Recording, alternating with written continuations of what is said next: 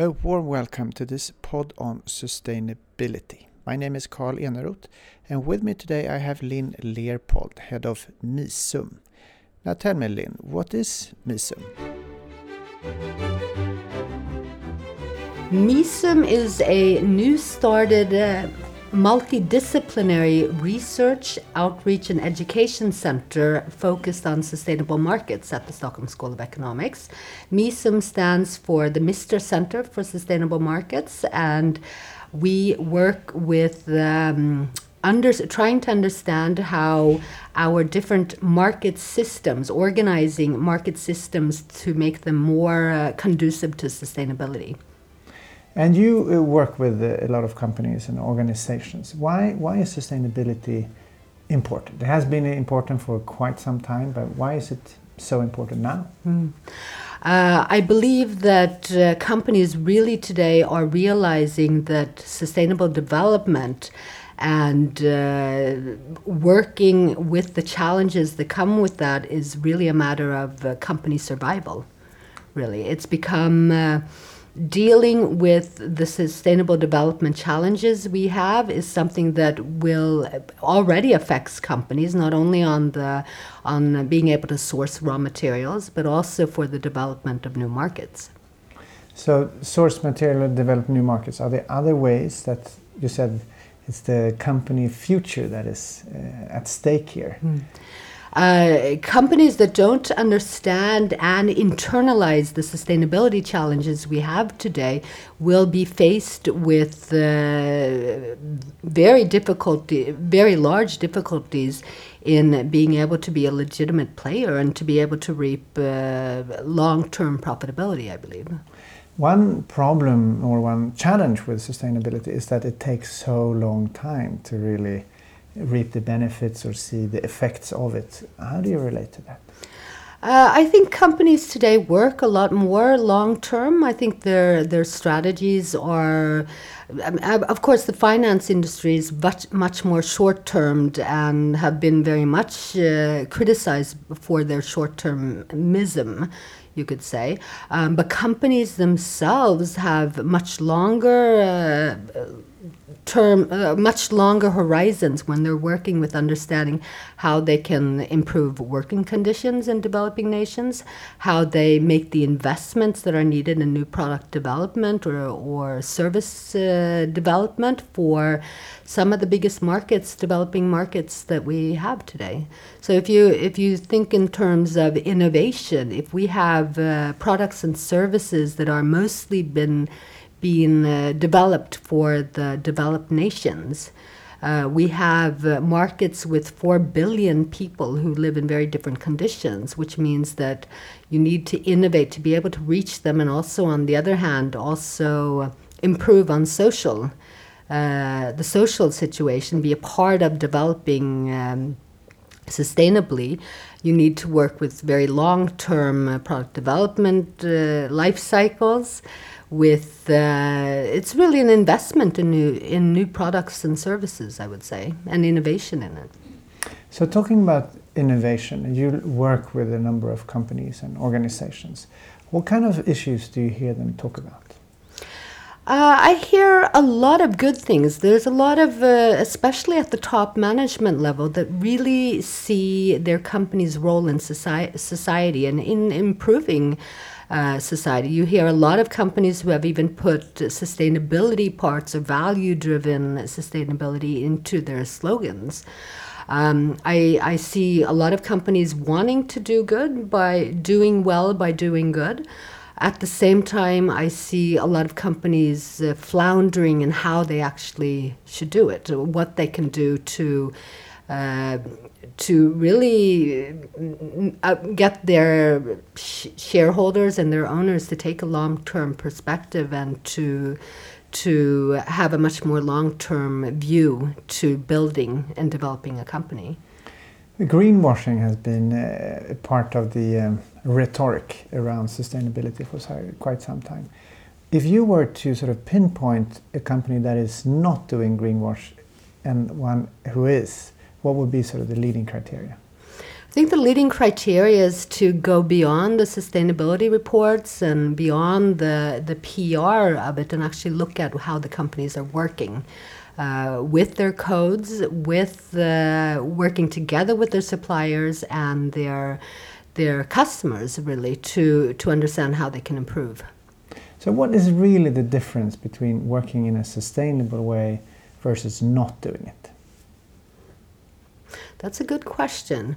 Um, part of our mission in MISUM is actually to understand what a sustainable market is, how to define it. It's also to understand what is an unsustainable market.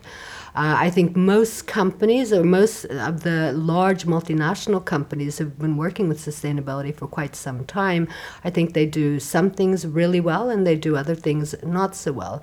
There's lots of companies who have been uh, who have gotten you know enormous awards and fantastic uh, merits for working with speci- specific parts of the sustainability chain. Um, on the other hand, they may not have been working with the other part. So I, I think it's kind of a it's a very hard question. It's a bit of one of these research questions with uh, on the one hand side and, and the other hand side. So the boundaries are a bit uh, unclear or gray or fluffy even or. Well, it's more that, you know, some companies might be really good at working with gender empowerment or female empowerment, while other other companies, actually most companies are best at the corruption side. They have uh, take a very legalistic perspective on what is uh, what you know very clear cut what is allowed and what is not allowed.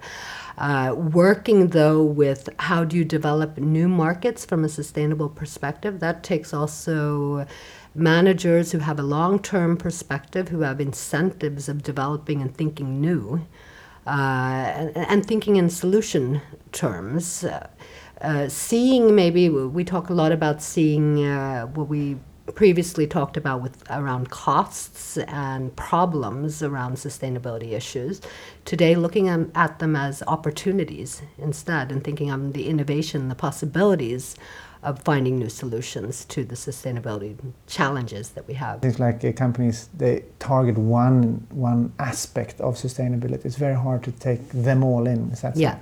Yeah, taking a real hard look and understanding your all your own activities and stepping out of maybe the position or role that you have yourself.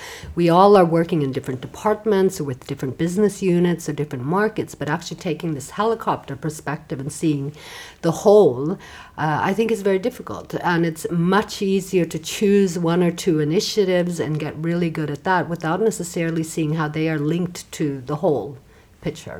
So is that? Do you think that is important to see the whole system? Is that the, the key really to unlocking sustainability? I think a systemic view is is very important, but I think uh, where we are today is that we're very much looking outside of just our own position as a company within a value chain or within the whole system, like you're saying.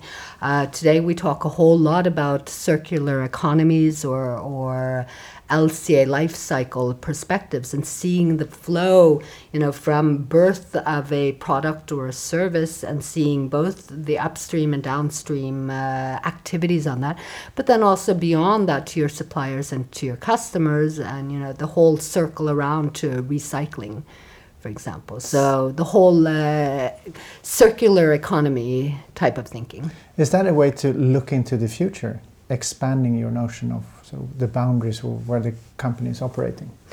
Uh, I think company. I, I, know that companies are taking more and more responsibility uh, outside of their legalistic or jurisdiction. Uh, uh, legal sense of what they're responsible for. Today, the boundaries are expanding, uh, and not least of all, you see companies trying to understand the whole uh, life cycle or the whole circular economy of where they're sourcing, you know, the, the suppliers, suppliers, suppliers, all the way back to the raw materials, but also which responsibility they have towards how customers, such as, or consumers like you and me, or you and I, how we actually use their products and services.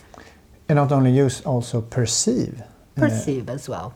Because I know you're interested or did a seminar the other week on the combination between uh, art and sustainability. Yes, yes. So what, what was the, the takeaways from that? Um, what I th- what I think is really important is that we, as researchers and educators, we're very good at uh, you know mapping up the world. We're very good at doing research. You know, showing the statistics, showing what reality uh, can. You know, a picture of that.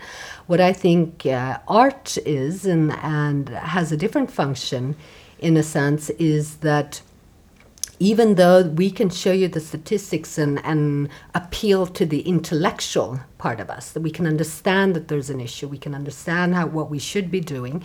I think art can spur to action in a different way. It can make you feel. It talks to your heart much more. And we know that you you probably need both the intellectual understanding of what's going on, but you also need this sense of urgency, this sense of agency that you can also be a part of this and you can be a part of the solution. Um, but that appeals much more to the cognitive and to the the emotional part of yourself, and I think you need both. Uh, I get the sense that when we talk about sustainability, it's uh, hard to know where to start what would be your recommendation of where to start?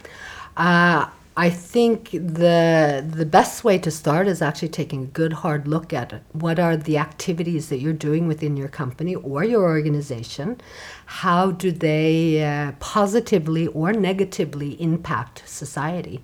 And then taking you know understand if you understand how they positively or negatively impact, it's much easier also to decide you know where is the biggest impacts uh, where are the smallest impacts and how can you know what is it the the, the lowest hanging fruits that you can start uh, working with already then?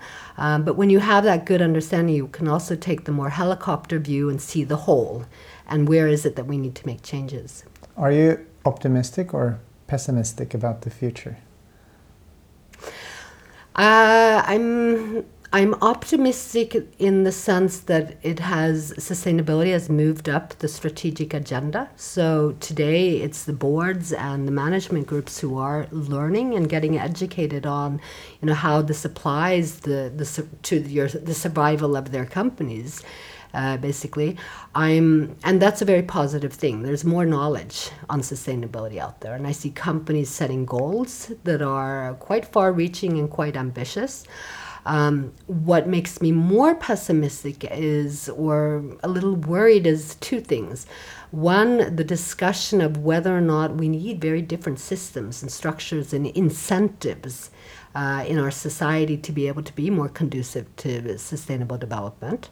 Um, the second issue is that we are very much in this frame that we have the system that we have today and we can try to make that a little greener, a little bit better, a little bit more sustainable. The question is whether or not that is enough and quick enough too. So, and that's a little bit worrisome. I think we don't, you know, I, I think we actually need some work to say that okay, if we cannot keep the one and a half or two per, uh, two degree uh, goals that we have, what will the world look like? How will we deal with that? Because there's quite a lot who will say that we're not going to be able to make those two degree goal. How much are we getting prepared to be able to deal with what it's going to look like rather than trying to just, you know, all the research is how is showing that it's a problem and what we do now rather than dealing with if we don't succeed, basically.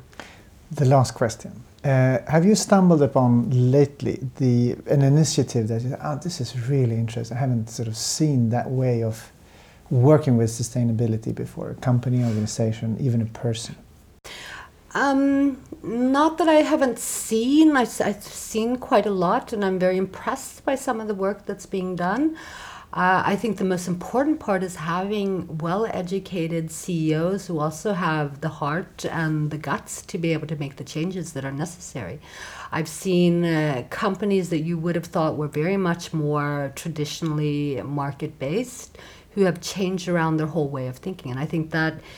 I think that's possible to do, but it's very, very dependent on very strong and knowledgeable managers who, who are passionate about it. Thank you, Lin, for sharing your ideas on sustainability and how that changes how we make business. If you want to listen more to our podcasts, please surf in at www.xzsse.se slash inspiration. Thanks for listening.